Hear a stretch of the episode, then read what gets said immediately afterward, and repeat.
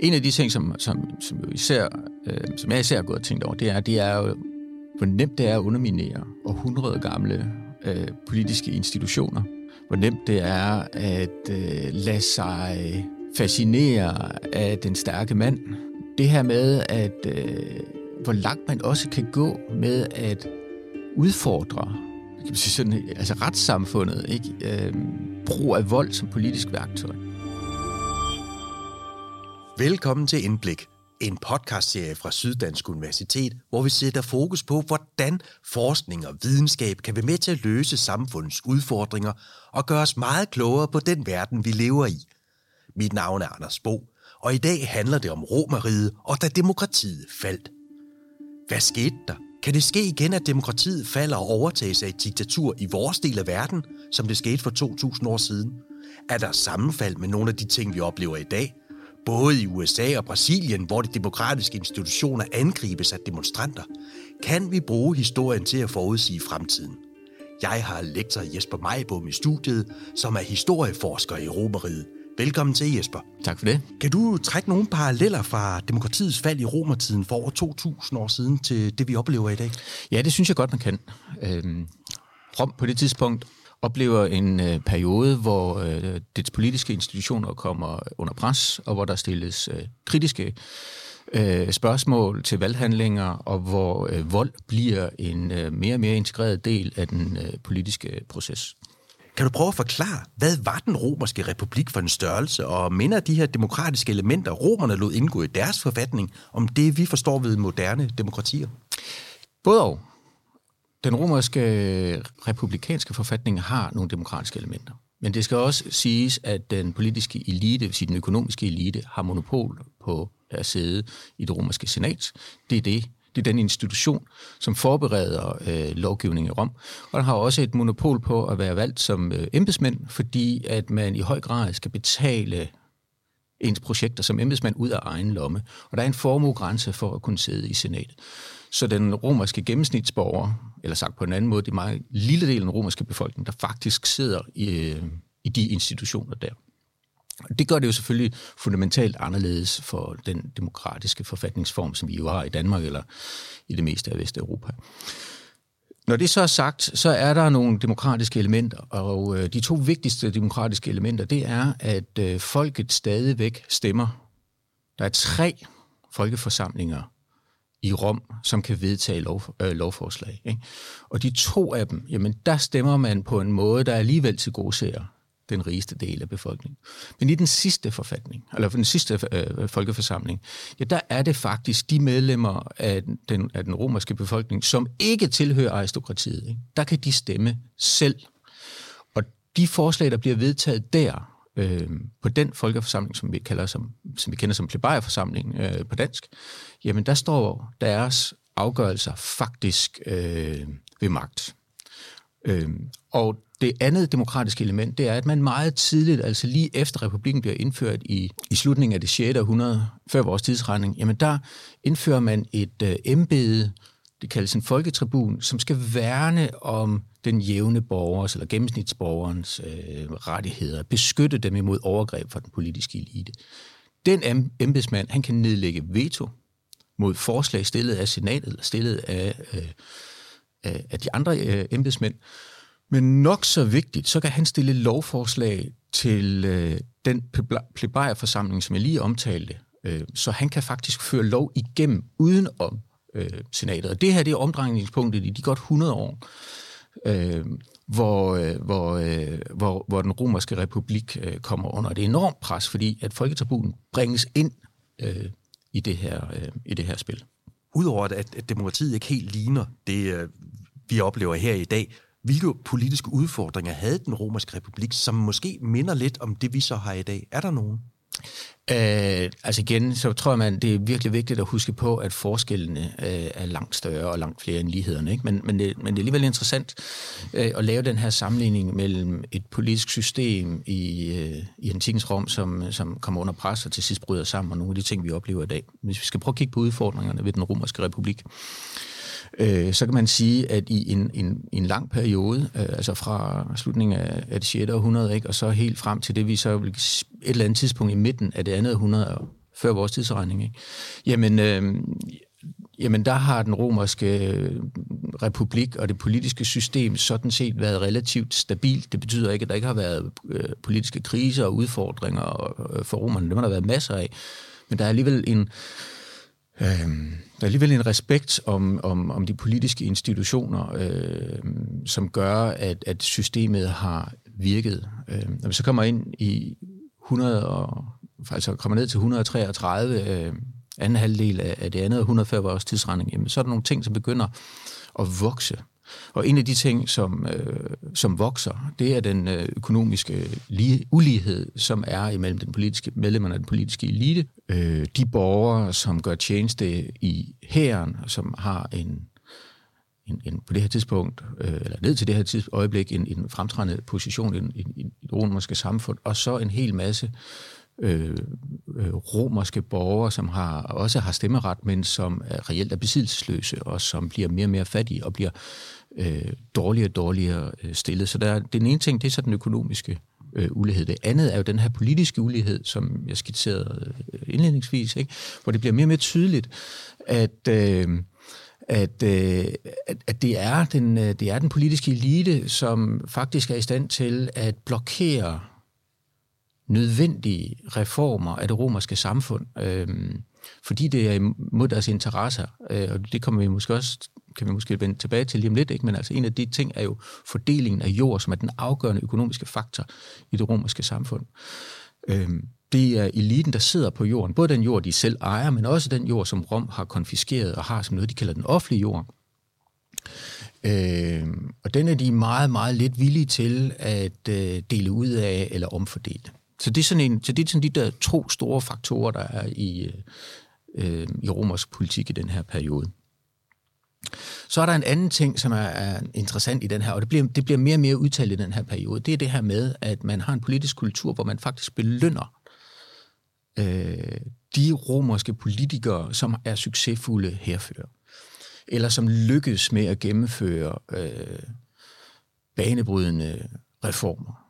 Og det vil sige, at øh, for at sikre sig veje politisk opstigning og en veje position i toppen af det romerske politiske hierarki, jamen, så skal man helst ikke bare føre én, men faktisk føre flere krige og blive ved med at vinde øh, sejrigt øh, hjem til Rom. Fordi der er både noget bytte, der kan omfordeles til Roms øh, fattige, øh, og der er også mulighed for, at man kan sætte den her øh, velstand, man får gennem erobringerne, øh, øh, ind i byfornyelsesprojekter i Rom. Blandt andet har vi jo øh, en række teatre, for eksempel af, af Pompeius og også af Caesar, ikke, som bliver bygget fra, fra midler, som de henter øh, via krig. Ikke? Så det er en, en af de der andre ting, øh, der ligesom er med til at øh, skabe en konkurrence mellem medlemmerne af den politiske elite om netop at få de her kommando, om netop at få øh, disse her forskellige øh, embeder. Og det sidste, som jeg tror, man skal øh, lige fremhæve her, ikke, det er, at øh, der er en udpræget voldskultur i Rom. Så vold som politisk redskab, altså som en del af beslutningsprocessen, enten for at stoppe den eller for at gennemtvinge den, bliver, et, øh, bliver mere og mere almindeligt. Øh, og, øh, og det genererer jo et, et, et, et, et ustabilt politisk system, fordi man ved ikke, om, din, om det øh, lovlige veto, man lige har øh, nedlagt, forfatningsmæssigt fuldstændig perfekt orkestreret veto øh, vil blive omstødt ved en voldshandel. Og, øh, og, og, og det kan man jo sige her, at øh, nej, mange af de her ting ligner jo ikke noget, som, øh, som vi kender i dag. Så det centrale øh, i den her sammenligning, det er jo, at øh, kan vi se nogle spor i nogle af de ting, som vi, øh, som vi oplever i dag i, i, i moderne øh, demokratier, ikke? hvor at institutioner sættes under pres. Man har svært ved at løse problemer omkring ulighed. Man har svært ved at løse problemer, som vedkommer den almindelige borger. Bliver den almindelige borger øh, i den forbindelse øh, optaget af at følge øh, det, vi så vil kalde populistiske øh, hvad hedder det, partier eller individer i et forsøg på at, at sikre sig de her rettigheder. Ikke? Og det ser vi jo masser af. Vi har set storm på kongressen i øh, USA sidste valg, hvor vi også set et eksempel øh, i Brasilien, Øh, så der er nogle paralleller, der er interessante øh, at kigge på. Den her periode, du taler om, hvor det bliver mere ustabilt og korrupt, det strækker sig over cirka 100 år, indtil år cirka 44 før vores tidsregning. Hvad er det, der sker i Rom? Jamen, der sker det, som øh, indflydelsesrige, ambitiøse romerske politikere sætter nu i højere grad end tidligere folket i spil i forsøget på at, øh, at opnå bestemte embeder, sikre sig øh, vigtige øh, kommandoer mod Roms øh, fjender, eller gennemføre politik, som øh, den, øh, som, den, den, den, som gennemsnitsromeren øh, kan se en interesse i. Det er måske den, den mest afgørende, øh, måske afgørende faktor. Så det, de faktisk gør, det er, at de bruger disse her folketribuner som en løftestang. Altså, de allierer sig med dem, og så øh, sender de lovforslag igennem øh, plebarieforsamlingen, øh, som gør, at, øh, at, at den, den etablerede politiske elite i, øh, i senatet og de øvrige embedsmænd, jamen, de har meget svært ved at stoppe den der politiske proces, eller stoppe disse her øh, forslag. Ikke? Og der er, de, der er en af de allermest toneangivende i den her forbindelse jo den romerske politiker general øh, Pompeius. Vi kalder ham den store, fordi han øh, sammenligner sig med Alexander, bliver sammenlignet med Alexander den store, og Caesar. Og i den her proces, der bliver vold og anvendelsen af vold et fuldstændig centralt element. Både fra den politiske elite side, men især øh, også fra, øh, fra folketiden. Og man kunne måske øh, fremhæve to eksempler. Det ene er i starten af den her periode, vi taler om, altså i 133. Her bliver Tiberius Gracchus valgt som folketribun. Tiberius Gracchus hører til den absolute politiske elite, men i øh, forskellige konflikter med, med, med det etablerede, den etablerede senatselite, ikke, jamen der har han egentlig ikke tillid til, at, øh, at han kan sådan sikre sin egen øh, opstigen i det politiske øh, hierarki. Det vil i hvert fald tage lang tid. Så derfor vender han sig mod folket. Her foreslår han så en omfordeling af den her offentlige jord, som jeg nævnte før. Det bliver vanvittigt populært i, øh, blandt den øh, jævne romer. Men øh, det er ikke så populært i senatseliten, som jo er dem, der sidder på den her offentlige jord, som de jo ejer overalt i Italien, eller ikke ejer, men i hvert fald kontrollerer. Øhm, og den er de ikke ret parat til at afstå. Men gennemtvinger loven om jordreformen på folkeforsamlingen, der er alle mulige uregelmæssigheder. Der er blandt andet en anden folketribun, de er 10. De skal alle 10 være enige, som nedlægger et veto. Han bliver fjernet fra folkeforsamlingen øh, efter en ny afstemning. Det har man aldrig set før. Øh, men loven bliver vedtaget. Men der sker ikke rigtig noget, fordi senatet, der skal effektuere den.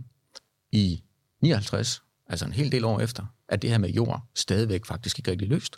Og nu prøver Cæsar så som konsul, altså i en helt anden position end, end, end Tiberius konsulten er, er det øverste embede i Rom.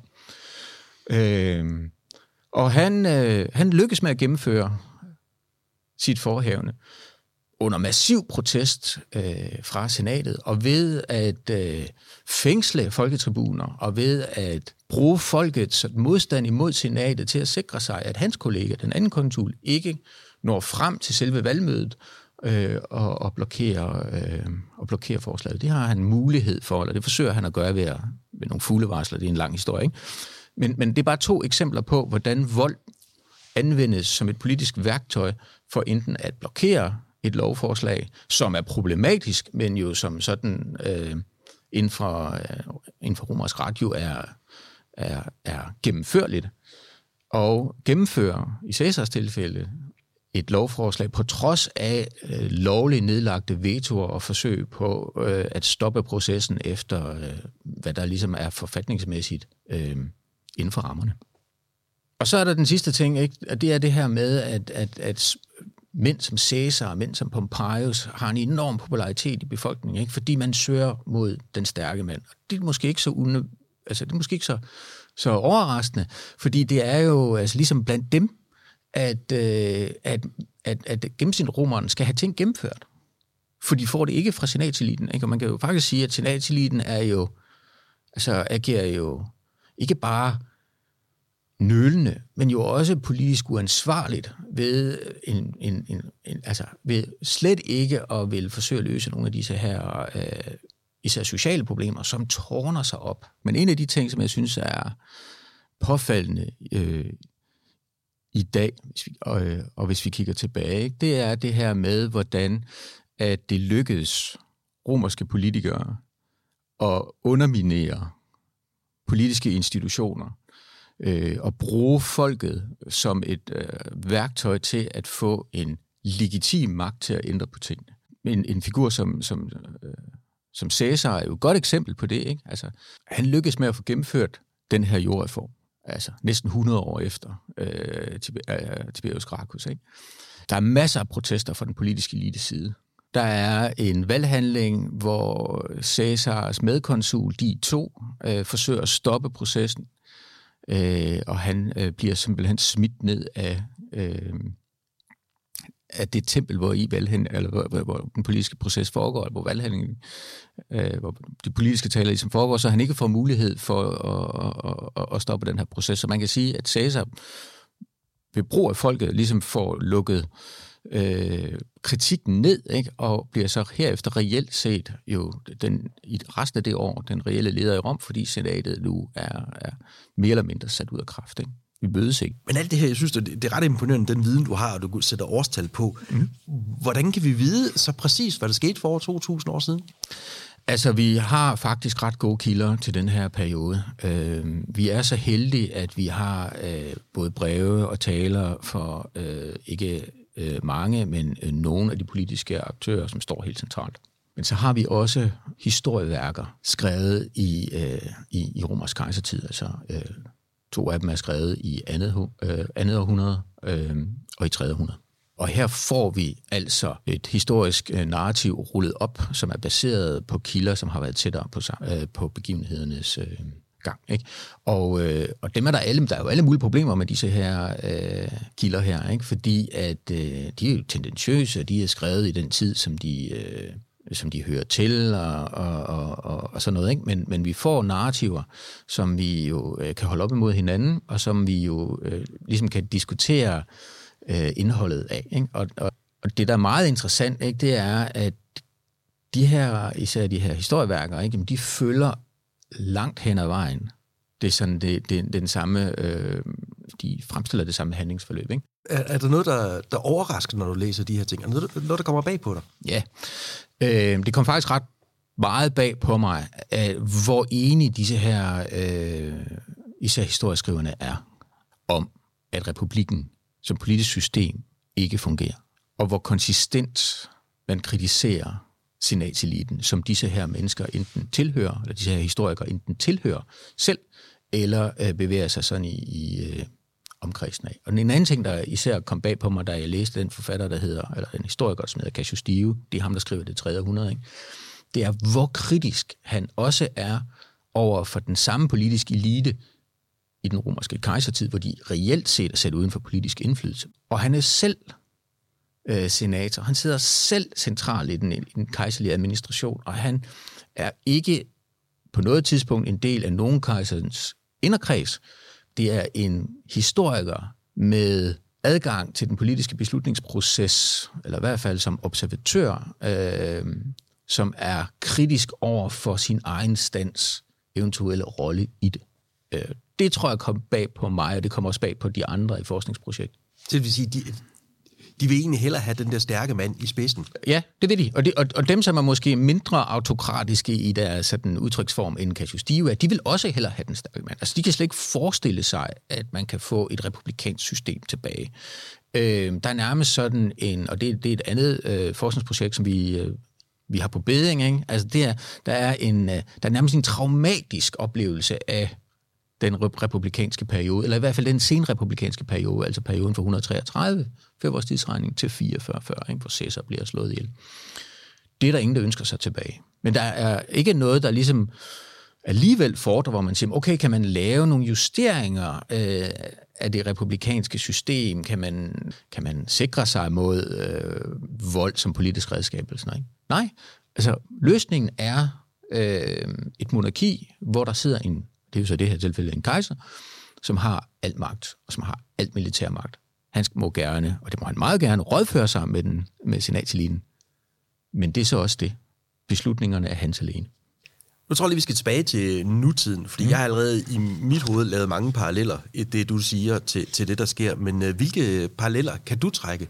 Jeg synes, noget af det, vi sådan rigtig kan lære af, ikke? Så noget, som, som, som, jeg, som jeg synes, man virkelig skal sådan bide mærke i, ikke? Men det er det her med, at vi jo som mennesker har meget lettere ved at se fortidens fejl, end, end, end se de problemer, øh, og hvordan vi agerer i dem øh, lige nu. Ikke? Altså, men øh, det, jeg synes er, er, er tydeligt, det er, at øh, både i sin republikens Rom og i dag, jamen der er der en udfordring af øh, politiske institutioner. Øh, der er en udfordring af valg. Altså eksempelvis i USA, hvor man jo kan sige, at man beskytter demokratiet ved at omstøde et frit demokratisk valg, uden at levere evidens for, at valget har været korruperet. Det er en ting. Det andet er, at når man så har prøvet tingene af øh, ved domstole og sådan noget, jamen så opildner man alligevel sine tilhængere til at forsøge at stoppe den så, øh, hvad skal sige, den sidste proces i, øh, i kongressen. Ikke? Der kan man jo se, at, at, at det er nogle af de samme ting, der måske øh, ligesom øh, udspiller sig i Rom. Jamen, hvis man ikke får det valgresultat, man ønsker sig, hvis man ikke får den afgørelse, man ønsker sig, eller hvis man bliver mødt af et veto, jamen så fjerner man den bare med magt. Og, og, og der tænker jeg jo, altså, at der kan man ligesom se, at, at hvad det kan føre til, hvis man, øh, hvis, hvis, hvis man, ikke, hvis man ikke griber øh, konsistent ind øh, over for det. Men, men kan, kan, kan vi ikke lære noget øh, så vi undgår at, at blive diktatur igen her i den vestlige verden? Det kan man godt, øh, og det vil historien så også vise, om vi gør. Øh, og jeg synes jo nok, der er nogle... Der er nogle øh, der, der er, jeg synes jo også, at vi lærer noget. Altså, øh, man kan jo se fra stormen på, den, øh, på, øh, på kongressen i, i Washington, og så til den politiske situation i USA lige nu. Jamen, der er jo faktisk rent faktisk sket noget. Ikke? Det kan godt være, at Trump, Trump ikke er øh, stillet for en, øh, en dommer, eller det kan godt være, der ikke har været et retsligt efterspil endnu, men der er jo en bevægelse i USA. Altså, hvis det sidste øh, midtvejsvalg, jamen der er nogle af de støtter, som Trump havde, eller nogle af dem, han støttede øh, til kongresvalget, jamen de fik faktisk ikke nær så gode valg, som han havde regnet med. Så der er jo en, en bevægelse, skal vi sige, væk fra øh, det, der foregår der. Nu må vi jo så se, hvad der er, der øh, sker øh, i Brasilien. En af de ting, jeg synes, man skal være opmærksom på, øh, det er, at man skal være opmærksom på, hvordan vi taler om politiske institutioner, og hvordan vi taler om den politiske proces, og det skal vi også være opmærksom på i Danmark. Altså, øh, man skal være forsigtig med at bruge øh, begreber som magtfuldkommenhed, øh, tyran, diktator, folkevalgte politikere, øh, fordi at øh, altså det er jo nogle af de ting, som er med til at, at underminere øh, politiske institutioner og dermed også øh, demokratiet. Tak fordi du gjorde os meget klogere på, hvor skrøbeligt demokratiet kan være, så jeg vil sige tusind tak, fordi du vil dele din viden med os. Jesper Majbom, lektor på historie på Syddansk Universitet. Du har lyttet til podcastserien Indblik fra Syddansk Universitet. Du kan lytte til flere podcast på sdu.dk/sdu-lyd eller i din foretrukne podcast-app. Vi lyttes ved.